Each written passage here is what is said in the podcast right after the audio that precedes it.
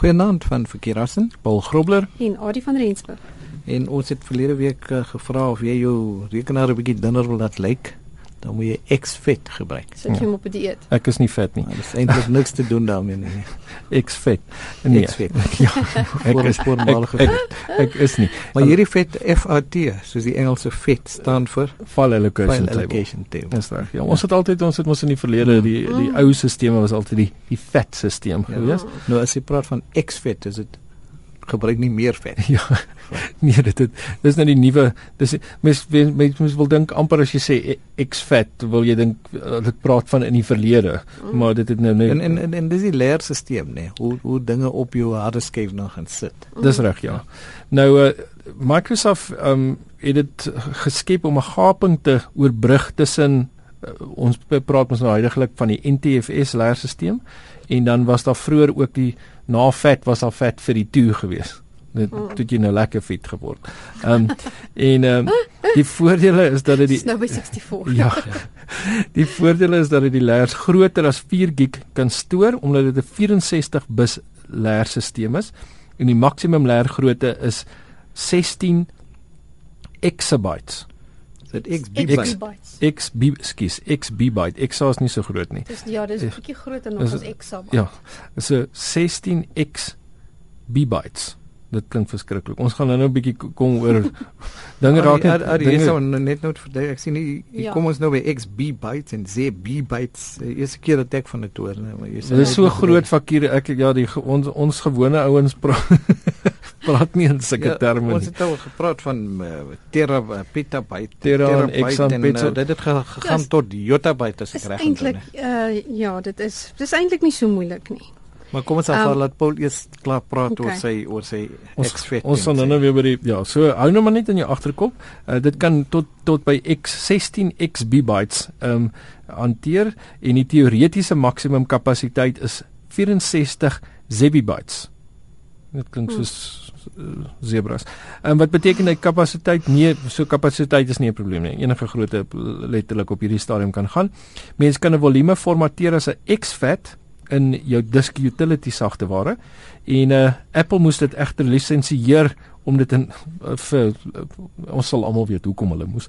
Um om dit in OS X 10.6.5 en later te integreer en Windows is XFAT ondersteuning vanaf Vista se Service Pack 1 ingebou en die drywers is beskikbaar vir ouer weergawe ook soos XP so jy kan wel terugval op dit op die op mm. ouer stelsels ook. Nou behalwe dat dit 'n onbeperkte kapasiteit het, wat wat is ander voordele daarvan? Die groot voordeel kom maar in die, baie mense wonder hoekom kan jy of is dit dan nou baie keer dat jy jy kan nie layers deel tussen Windows en en ja, Mac nie byvoorbeeld. Veral veral op ehm um, geheustokkies. Ja, op 'n eksterne ja. hardeskyf. So eksterne hardeskyf soos 'n soos 'n flash disk gebruik jy nou en nou het jy 'n Mac masjien en jy dalk 'n gewone PC en jy wil dit op albei gebruik. Jou jou, jou geheue stokkie word geformateer op een of vir 'n spesifieke formaat. Nee, ja.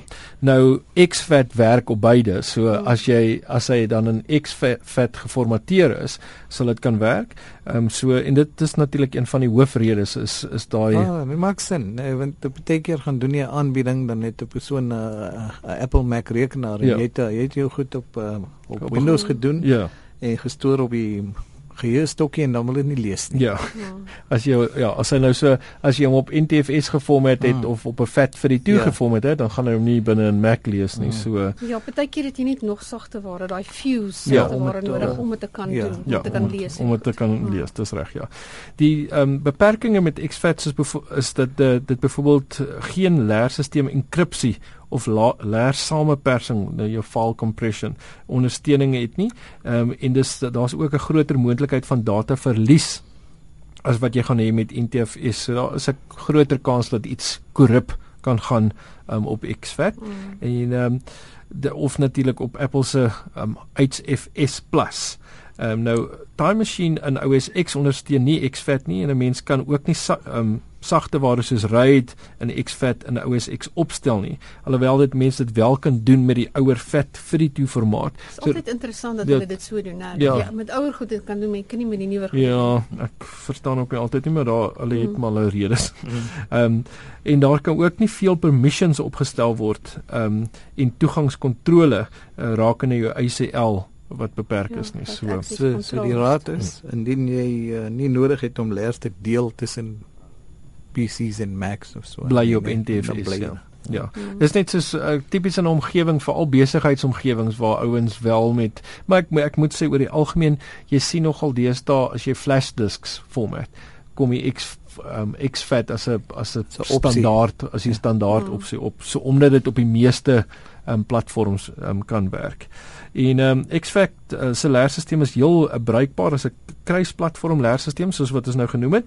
Ehm um, omdat jy jou volumes maklik kan deel ehm um, tussen byvoorbeeld OS 10 uh, OS X10.7 en Windows um, terwyl Linux in die verlede net Fuse gebaseerde, dis 'n file system en user space exFAT opsies gehad het wat stadiger is. Maar ten minste het hulle dit sopas, hulle het pas nou aangekondig dat hulle wel dat hulle nou support het vir exFAT. Ja. Sonder Fuse. Nou waar kan mens meer lees oor hierdie? Wel natuurlik Wikipedia sal vir jou inligting gee oor um, exFAT. Dan het lifehacker.com met dan ook een wat sê use the exFAT file system and newer format your external drive again.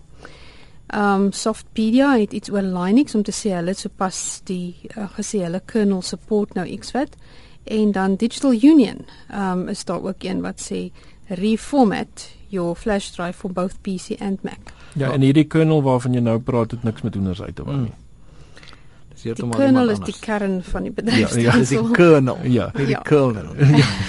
ja, so kom ons moet nou net daai reg. Want jy kan al hierdie webwerwe by ons webwerf kry. Ja, gaan kyk gerus by rsg.co.za en uh, hoewel dit bietjie tegnies is, uh, be, be, maak dit baie keer dat mense net beter verstaan hoekom hmm. sekere goed wel werk en nie wil werk op 'n op 'n stelsel nie. Ja, jy kan ook aan ons skryf uh, as jy iets het om te deel, soos Werner Vos geskryf het. Ja, uh, stuur soos Werner stuur jou uh, e-pos na rekenaar by rsg www.co.za. En Werner het laat weet dat hy onlangs sy Gmail rekening moes skuif na 'n ander een, 'n ander Gmail rekening, né? Nee? Ja. En hy sê dit was nogal 'n storie om dit te doen. Ja, hy het gesê aan die einde het hy hierdie artikel raak geloop weer van daai gunsteling webwerf van my www.howtogeek.com. Um wat daar gesê how to migrate your Google account to a new one. So dit was baie interessant. Dit maak sin. So mm. dankie Werner dat jy uh, dit gedeel het dat ander luisteraars wat dan ook sulke probleme het, weet waar om te gaan. En ons ou vriend Jan Mostert het ook iets ingestuur. Ja, hy het gesê hy het 'n ouer skootrekenaar geneem dat hy Windows XP en Ubuntu 13.04 daarop geïnstalleer. Hy sê maar toe kom hy agter DVD's wil nie meer daarop speel nie en toe het hy nou gaan rondkrap om te kyk hoe kan hy dit kry om te werk en toe kom hy op 'n webwerf af wat hy aangestuur het www.librariangeek.net. Ehm um, en dan die webwerf sê daar can't watch movies or flash in Ubuntu 13 ou for here's the explanation and solution. So as daar nog mense is met dieselfde probleem, gaan kyk gerus na daardie webwerf. En dis jy's die soort uh, raad wat ons met ander luisteraars wil deel. So as u iets het, skryf aan ons. Ja, stuur uh, gerus 'n e-pos na rekenaar by rsg.co.za en, en deel gerus met ons as uh, dalk het jy 'n vraag of uh, dalk uh, wil jy iets Verdenk. met ons deel. Ja, wat jy wat jy dink interessant is wat baie by kan baat. Uh, deel dit gerus met ons. Nou Adi, ons het beloof dat jy nou die verskil tussen ja. die kilobytes en die kibibytes ja. en goed. Nou kilobyte, mhm. ehm mm um, is 1000 grepe of bytes. Grepe, een greep is 1 byte hmm. en 1 byte is 8 bits. Hmm. En nou 1 kibibyte is 1024 grepe. So wat gebeur is, ehm um, ons gebruik ons ken kilobyte, gigabyte, uh pera, terabyte, petabyte. Ons ken dit omdat dit meer kommersieel, ja, dis ja. net 1000. Mm -hmm. Maar kyk, eintlik werk hierdie goed in veelvoude van 2. Mm. So in dit is in werklikheid uh 1024 ja grepe, uh, grepe. Hmm. ja. En um, maar in rekenaarwetenskap gebruik ons die die met die b in. So, met ander woorde die die gewone groottes in veelvoude van 1000 sal wees kilobyte dan megabyte gigabyte terabyte petabyte exabyte zettabyte yottabyte maar as jy dit nou kan in die, in die 1024 veelvoude Kibibyte, Mebibyte, Gibibyte, Tebibyte, Pebibyte, Xbibyte, Zebibyte, Yobbybyte. Ja, dis 'n bietjie baie BB's. Daarso het jy nou 'n nuwe taal geleer vanaand hierso op uh, RSG se rekenaar rubriek. Ehm um, en met dit net tyd vir 'n vraag. Wat is hier's nog 'n nuwe taal, Fopfoes en B-bone. Wat is Fopfoes en B-bone? V O B F U S en B-bone. Ons gesels volgende week daaroor. Tot dan van Verkerassen. Paul Grobler en Adie van Rensburg. Goeienaand.